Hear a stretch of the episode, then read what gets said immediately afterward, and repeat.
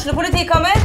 Ine Jansen er purk. Er du purk? The motherfucking bitch. Alt jeg vil, er å finne ut hva som skjedde med mannen min. Jon Carew. Er jeg sikta for noe? Iben Akeli. Det er du.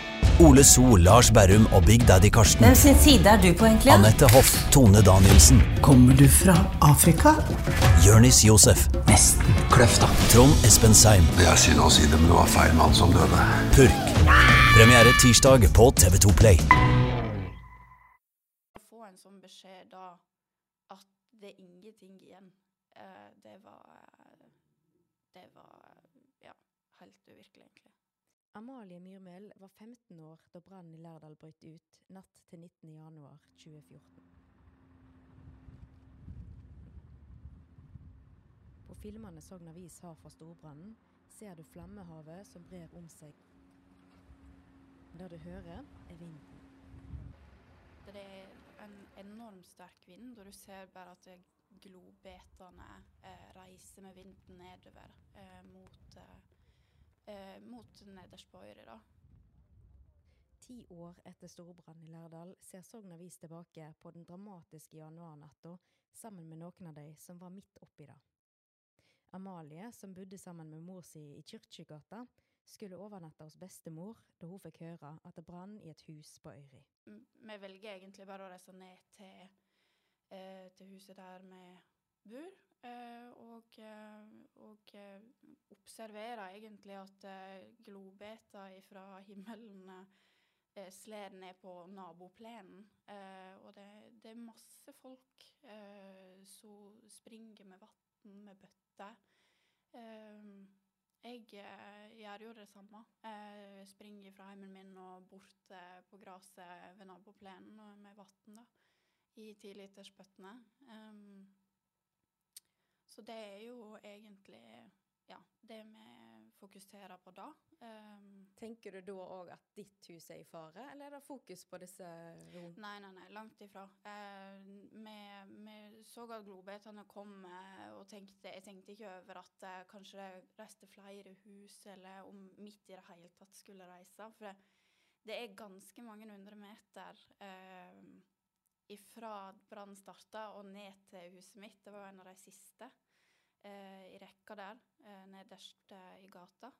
I luftlinja er det rundt 350 meter fra huset der brannen starta, til Amalie sitt hus i Kirkegata.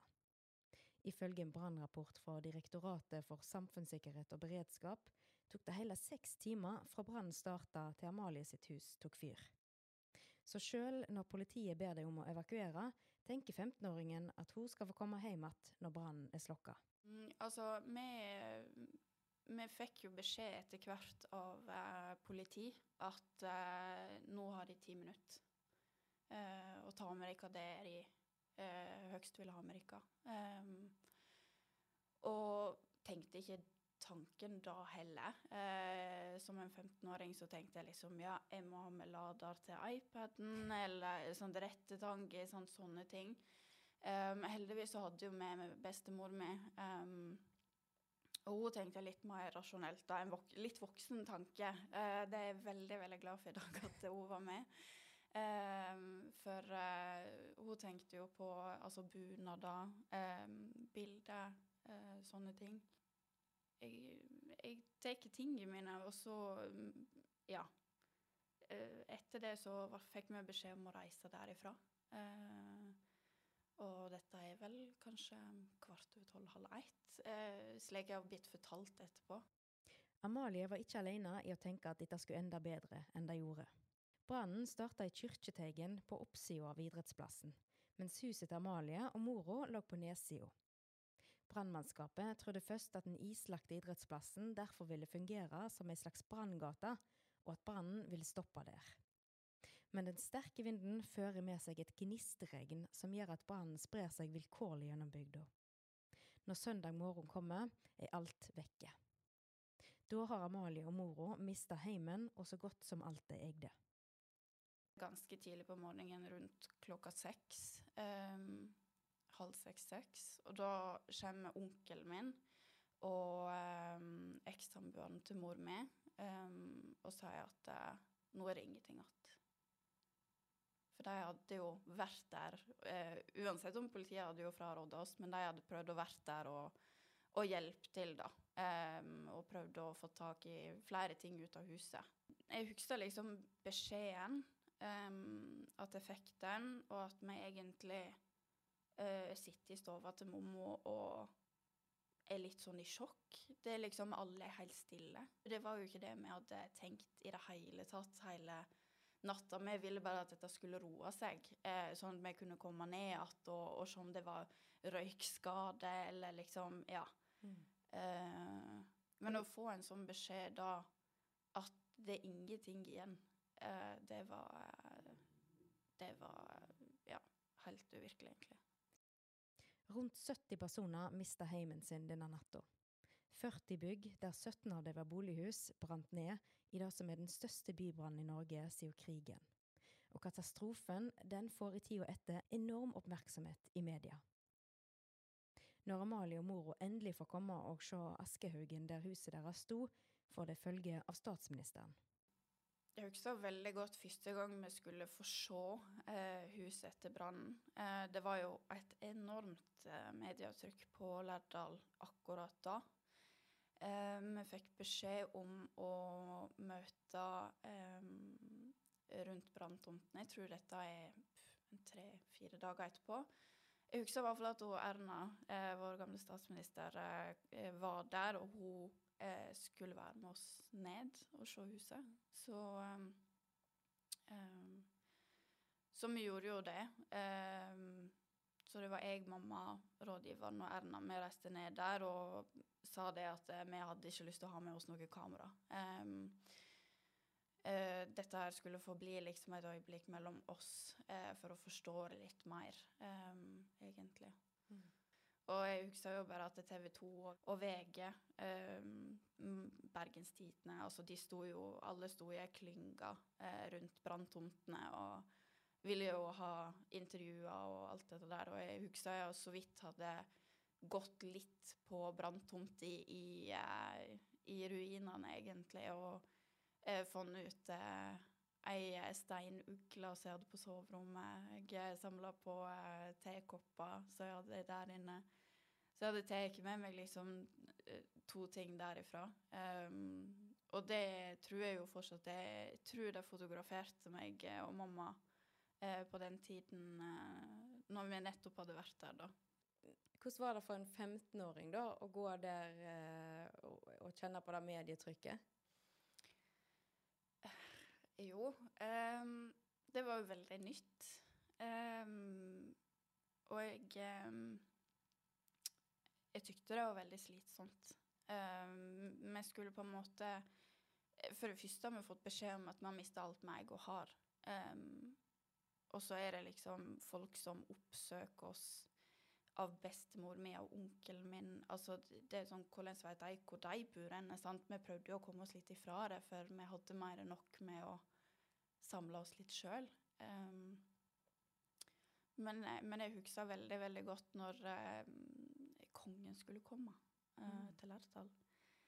Um, og skulle innom de skoleklassene som da hadde brannråka Altså de, de, som var brannråka, der skulle kongen komme inn til klassen da og, og helse på dem. Um, men akkurat den dagen så kjente jeg at da, da var, hadde jeg fått nok uh, av alt dette her. Uh, Altså, jeg hadde veldig lyst til å hilse på kongen, men jeg veit hva kongen kommer med. Og det er medietrykk, det er kamera opp i ansiktet, det er liksom eh, Så jeg reiste til Sogndal, eh, for jeg hadde jo litt ting jeg mangla. Eh, sånn sminke og litt sånn Bare ha en sånn dag der jeg kan eh, fikse det som jeg eh, nødvendig bruker, og så en 15-åring bruker. Sant? Det, var, det var sminke, sånne ting, da.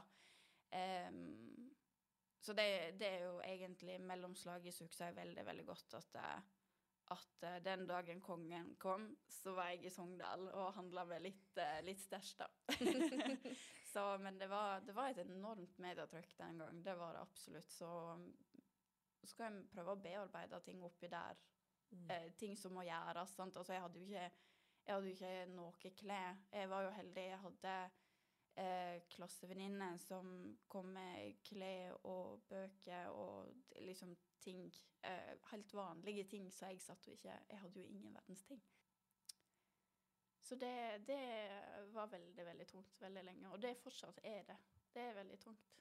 Mm. Mm. Tenker du på som du sier, bestemor var med, hjalp deg å huske de viktige tingene, mm. men tenker du mye på, på, de tingene som var? At liksom, jeg kunne tatt med da og da?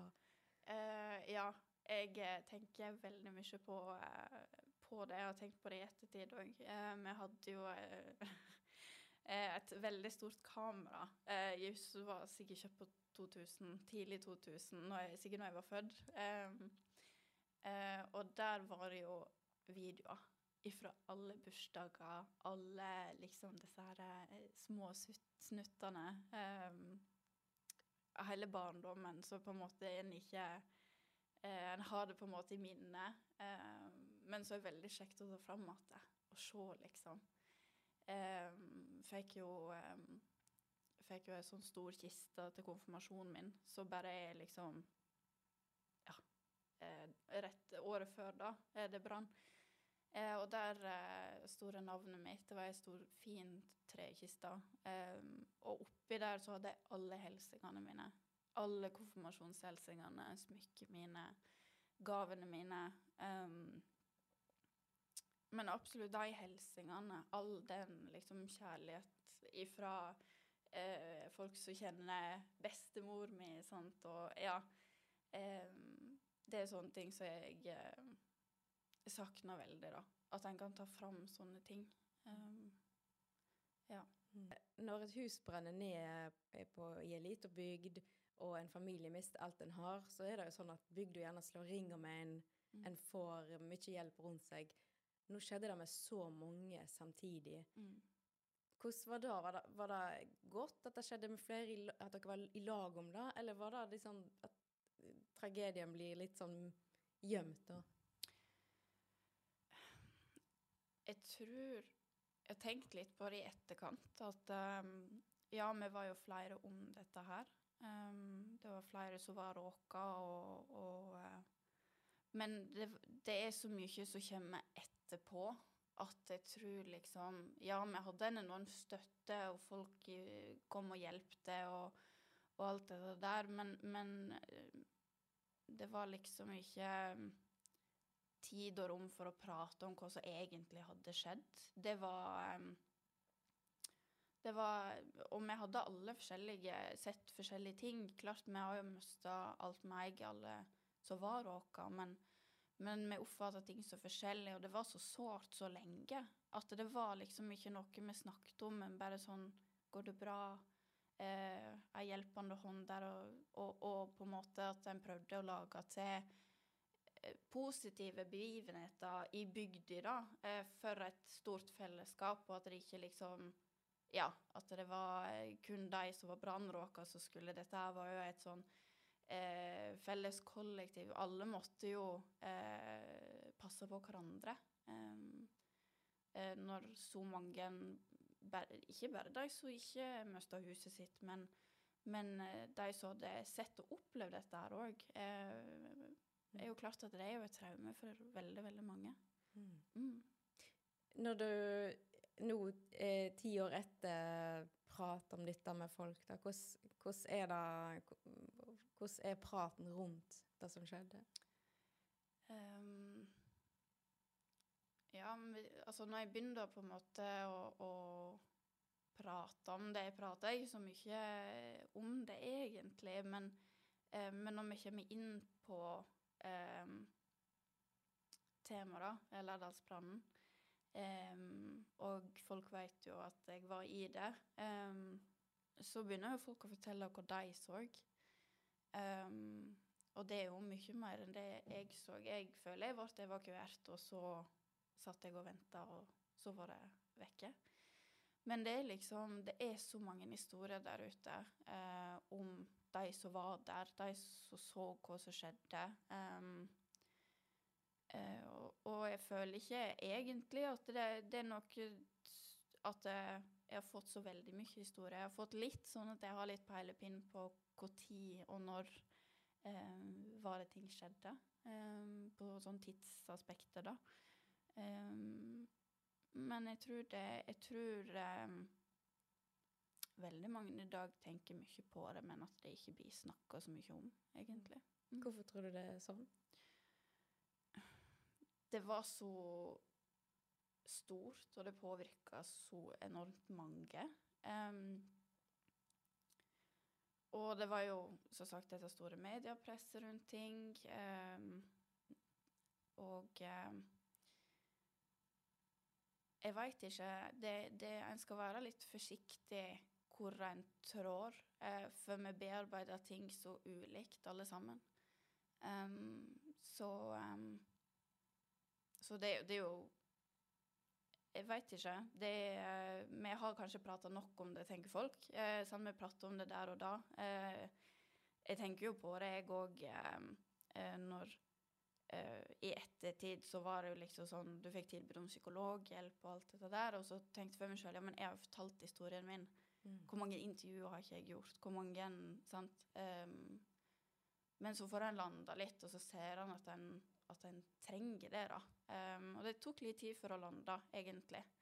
For det, det, det, er så høyt under taket når liksom ting, sånne ting skjer, da. Mm. Og så skal en lande litt. Og jeg føler kanskje at um, vi landa ikke før uh, det nye bygde huset uh, på samme plassen um, var oppkommet. Men det er jo liksom først da en kan forstå hva som har skjedd. Um, for da en sitter kanskje et helt år og tenker på at nå skal vi snart hjem igjen. Nå kommer vi tilbake der vi alltid har vært. Mm. Men det ble jo aldri sånn. Hvordan var den dagen uh, da du sov, over, sov, i nytt hus for første gang? Um, det var veldig rart, egentlig. Men veldig godt, fordi at det, da var det på en måte en slags start på at dette blir heimen min. Eh, vi har jo bodd midlertidig i et i et hus, um, men det er her vi skal være. Um, så det, det, var jo på en måte litt sånn Det var noen kilo av skuldrene, um, men så var det jo uh, En satt liksom og tenkte på liksom Hele det året så tenkte han at nå skal jeg hjem. Mm. Men det var jo ikke hjemme. Mm. Ja. Du, du, delte jo òg noen av erfaringene dine etter den brannen i en TV 2-serie. Mm. Har du sett på den i ettertid? Ja, det er, er egentlig litt sånn kleint å si, det, men det er faktisk én ting jeg, gjør hvert år. Jeg ser gjennom den serien en gang i året. Um, det er vondt å se på. Um, men jeg gjør det mest for å minne meg sjøl på hvor heldige vi er. Um, og hvor vi er nå, og hvor vi har vært henne.